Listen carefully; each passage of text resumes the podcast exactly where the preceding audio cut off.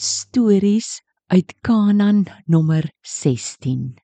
Ses rigters op 'n ry. Rigters 10 tot 12. Lekker lekker storie tyd. Die Bybel vat ons ver en wyd. 'n Stories van die ou ou tyd oor God se liefde vanaf daardie tyd. Sy liefde loop deur ons eie tyd tot Jesus kom vir die ewigheid.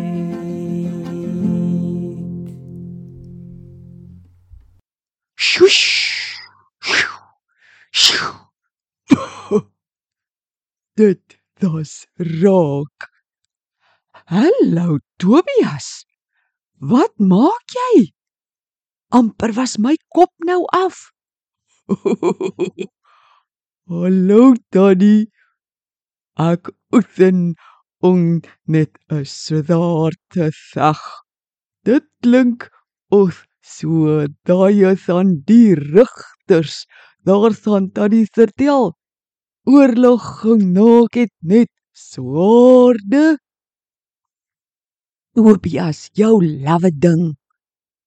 Ja, dit klink vir my ook asof baie van die rigters oorlog gemaak het. Maar ek dink darm nie almal nie. O?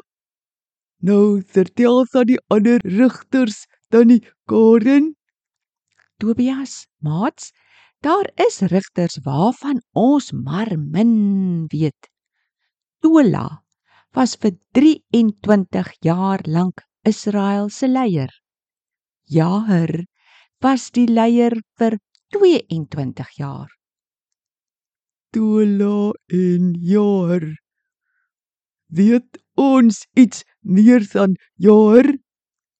Dit klink asof Jaher 'n ryk man was. Hoe weet ons hy was ryk? Tobias, hy het 30 seuns gehad. Elke seun het sy eie jong donkie gehad en sy eie tentdorp. Dalk het hulle hulle pa gehelp om vir Israel te lei. Hmm. En wie was na jaar die rigter? Na jaar was dit Jefta. Die Israeliete het na jaar weer begin om afgode te dien. Toe het die Here kwaad geword en hulle oorgegee in die mag van die Filistyne en Ammoniete. Vir 'n hele 18 jaar het hulle baie swaar gekry. Toe roep hulle na die Here. Die Here sê toe eers: "Nee, julle was ontrou aan my. Gaan nou maar na daai gode toe en hoor of hulle julle sal red uit julle swaar kry." Maar Israel het geantwoord: Ons het gesondig. Doen maar wat u moet. Maar red ons tog net asseblief nou. Hulle het selfs al hulle afgode uit hulle huise uitgehaal. Jefta was uit die stam Manasse en sy pa was Gilead. Hy het 'n klomp boeties gehad. Hulle ma was Gilead se vrou. Maar Jefta se ma was sommer 'n ander losvrou. Toe sy boeties groot word, het hulle hom weggejaag uit die huis uit sodat hy nie saam met hulle van sy pa kon erf nie. Toe moet hy op 'n ander plek gaan bly. Ja, hy het in Top gaan woon en 'n klomp leegleers was sy maats. Maar in daai tyd wou die Ammoniete toe teen Israel veg. Die mense van Gilead raak toe benoud en dink hulle sal nou iemand moet soek wat 'n goeie soldaat is. Die mens moet teen Ammon veg en sommer die volk se leier word. Daar kry hulle toe iemand. Hulle onthou mos toe dat Jefta so 'n goeie soldaat is. Hulle gaan toe gou na hom toe en vra hy moet kom veg teen die Ammoniete. Hy kon nie glo hulle kom daaraan en soek hom nadat hulle hom weggejaag het. Nie. Maar hulle het beloof hy kan ook hulle leier word. Die Jefta was 'n slim man. Hy het nie sommer dadelik begin veg nie. Hy het eers 'n boodskap na die Ammoniete gestuur en gevra hoekom hulle dan nou wil kom veg. Die Ammoniete laat weet toe. Julle het ons land gevat. Gee dit nou in vrede terug. Dit was nie waar nie. Die volk het om hulle land getrek. Maar die Ammoniete wou nie luister nie en wou veg. Die Heilige Gees het oor Jefta gekom en hy het opgetrek om te veg. Maar toe doen die slim man 'n dom ding. Hy het 'n gelofte afgelê. Hy het 'n belofte aan die Here gemaak dat as hy hulle help teen die Ammoniete, sal hy die eerste een wat uit sy huis uitkom as 'n offer aan die Here gee. Hulle gaan veg toe en wen die Ammoniete. En sy gelofte? Ai julle, dis erg. Maar die eerste persoon wat uit sy huis uitgekom het, toe hy terugkom, was sy enigste dogter. Toe is Jefta so hartseer. Tog moes hy sy gelofte aan die Here hou. Sy dogter het ook gesê hy moet sy gelofte hou.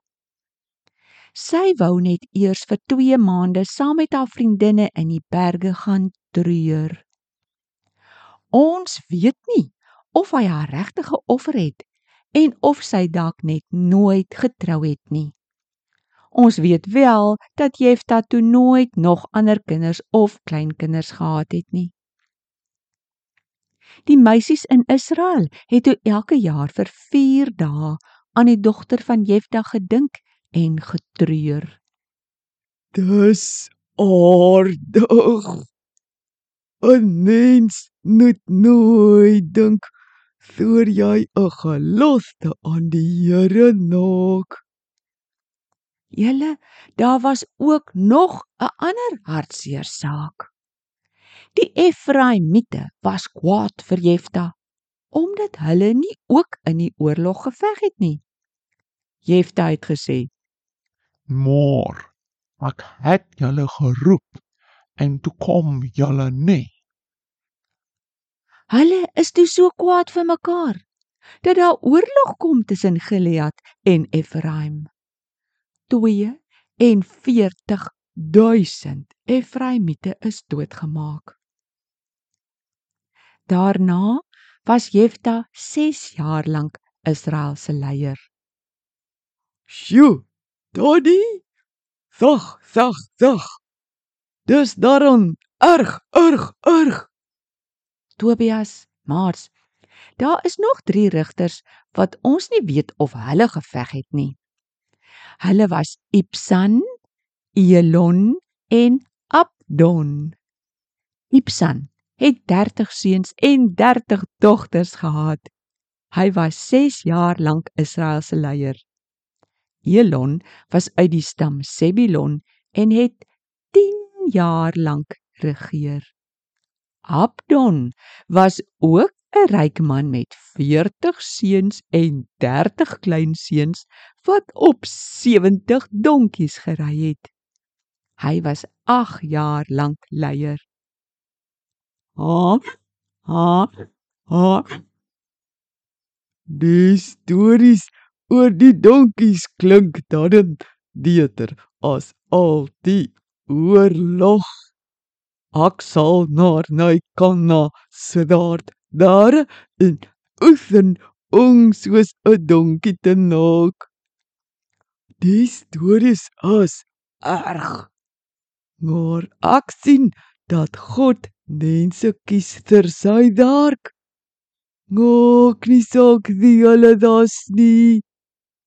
As hulle na die Here kom, kan hy hulle gebruik. Nats, ons groet nou eers. Dan naai kot draai nou skoon na die klont mense se stories. Maar kom weer. Ek glo tannie Karen gaan ons nog lekker stories vertel oor hoe God nog 'n regter gedraai het. Totsiens almal.